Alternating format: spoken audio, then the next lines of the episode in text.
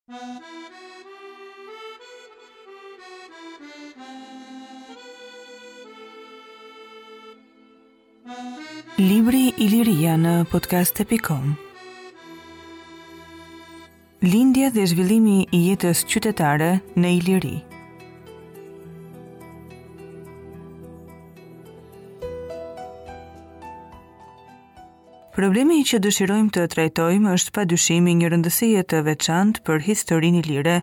Si i tillë nuk ka mbetur jashtë vëmendjes së studiuesve.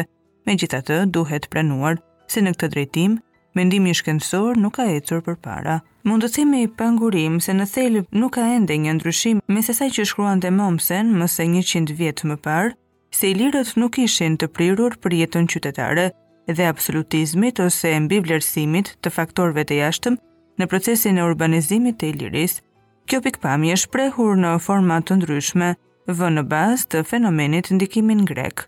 Përkrahësit e saj i konsiderojnë qytetet ilire vepra të ndërtuesve grekë ose themelime të sundimtarëve maqedonë e epirotë. Në rastin më të mirë, Produkti i ndikimeve të tyre, ndërtime thjesht ilire, pranohen vetëm ato më primitivet, të imigruarve ose sundimtarëve të huaj, u caktohet kështu një rol aktiv qytetërues, roli i përveçësuesve të kulturës së përparuar greke në botën barbare, madje dhe zhvillimi i pabarabart i krahinave të ndryshme ilire shpjegohet me shkallën e ndikimit të kulturës helene. Nga ana tjetër, Popullsia ilire paraqitet si konservatore, pasive dhe inerte ndaj qytetërimit. Kështu, progresi i Ilirisë shkëputet nga zhvillimi i brendshëm social-ekonomik dhe politik i saj.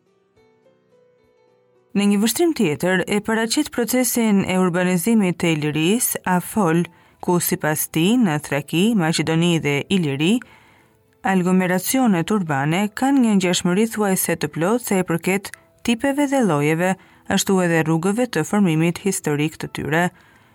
Qyteti në këto vise formohet rreth rezidencës së bazileut lokal, gjatë luftës që zhvillohet midis fiseve dhe dinastive të veçanta pro apo kundër centralizimit, Këtë lloj qyteti, pjellë e faktorëve politikë, tek i cili jeta ekonomike zhvillohet më pas, dora-dorës që popullsia vjen dhe ngulet rreth tursis për të jetuar, ndërtuar e prodhuar, autori e quan të veçantë për vendet ballkanike.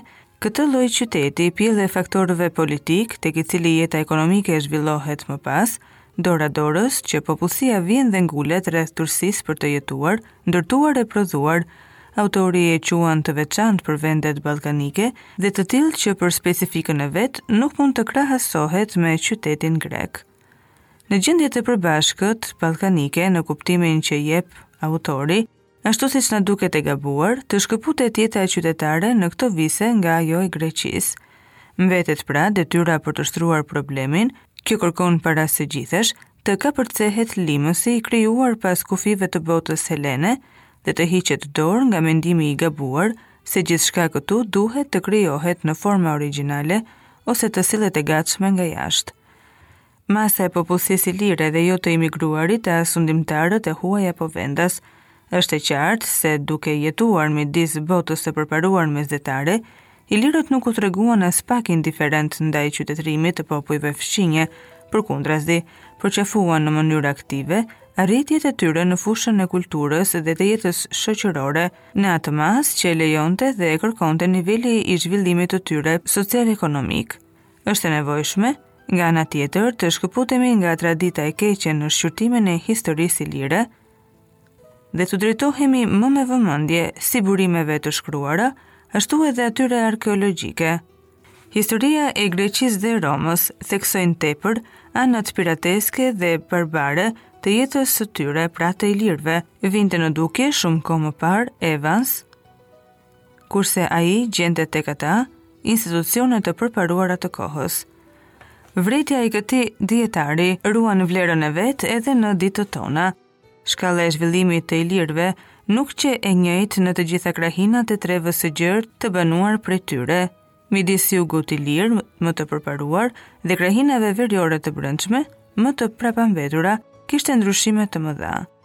Kuptohet se dhe fenomeni që na intereson nuk paraqitet njëlloj në të gjithë Ilirinë.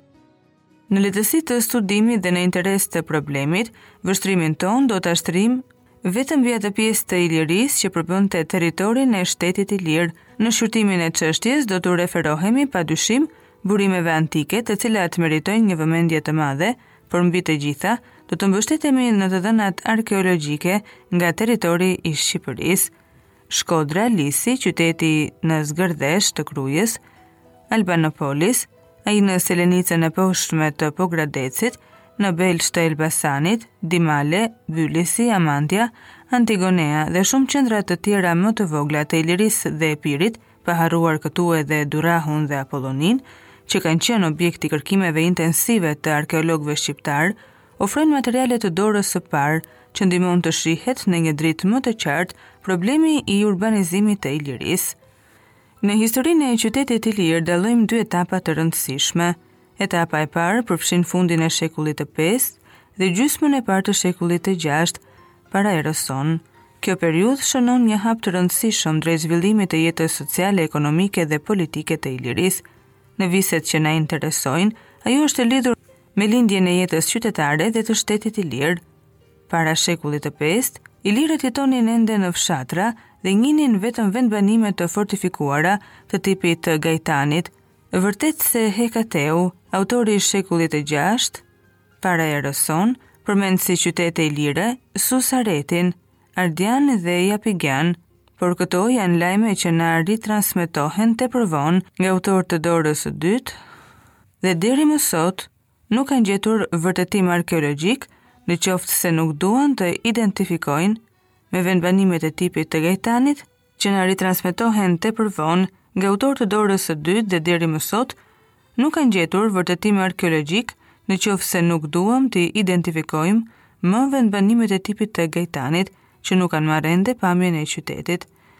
Një tok njoftimesh që lidhen me mesin e shekullit të katër dëshmojnë mjaft qartë për ekzistencën e qyteteve ilire, duke përshkruar fushatat e Filipit të dytë, na thotë se ai u lëshua mbi Ilirinë me një ushtri të fortë, plaçkiti vendin, nënshtroi qytete të vogla dhe u kthye në Maqedoni me plaçkë të madhe.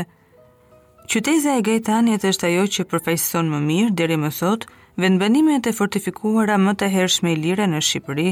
Siç kanë treguar gërmimet në këtë qendër, këto lloj vendbanimesh lindin aty nga fundi i epokës së bronzit e fillimin e asaj të hekurit.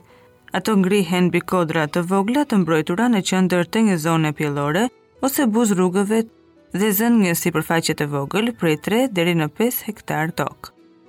Janë rrethuar me mure të fuqishme që arrijnë deri në 3.50 cm.